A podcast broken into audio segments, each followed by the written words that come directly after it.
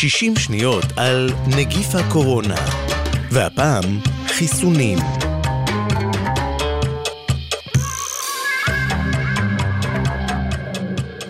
כאשר אנו טובלים את ידינו בחומר חיטוי, אנו מקווים שיסייע בהשמדת מזיקים המסתתרים בין אצבעות כף היד. אבל מה קורה כשהאורחים הלא קרואים מוצאים את דרכם לתאי הגוף?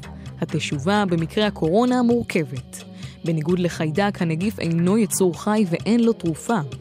כשהוא חודר לתא בגוף האדם, הוא משעבד אותו ליצירת עותקים מן הנגיף. מערכת החיסון בגופנו היא הראשונה ללמוד את מבנהו. היא מייצרת נוגדנים המזהים את הנגיף, מנטרלים אותו ומכוונים אליו תאי דם לבנים כדי להילחם בו. הודות לכך, חלק מהחולים במחלות נגיפיות נותרים מחוסנים עליהן ולא יחלו שנית. עדיין לא ידוע אם מנגנון זהה פועל גם במקרה הקורונה. ברחבי תבל שוקדים מדענים בקדחתנות על פיתוח חיסון מלאכותי לנגיף, חיסון המורכב מגרסה מוחלשת של הנגיף או מחלקים ממנו, ומעורר את מערכת החיסון לייצר נוגדנים מבלי שהמטופל יחלה.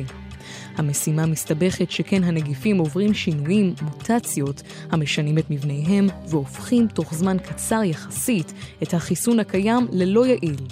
עובדה זו מאלצת את המדענים לנסות וליצור לשינוי החדש חיסון חדש.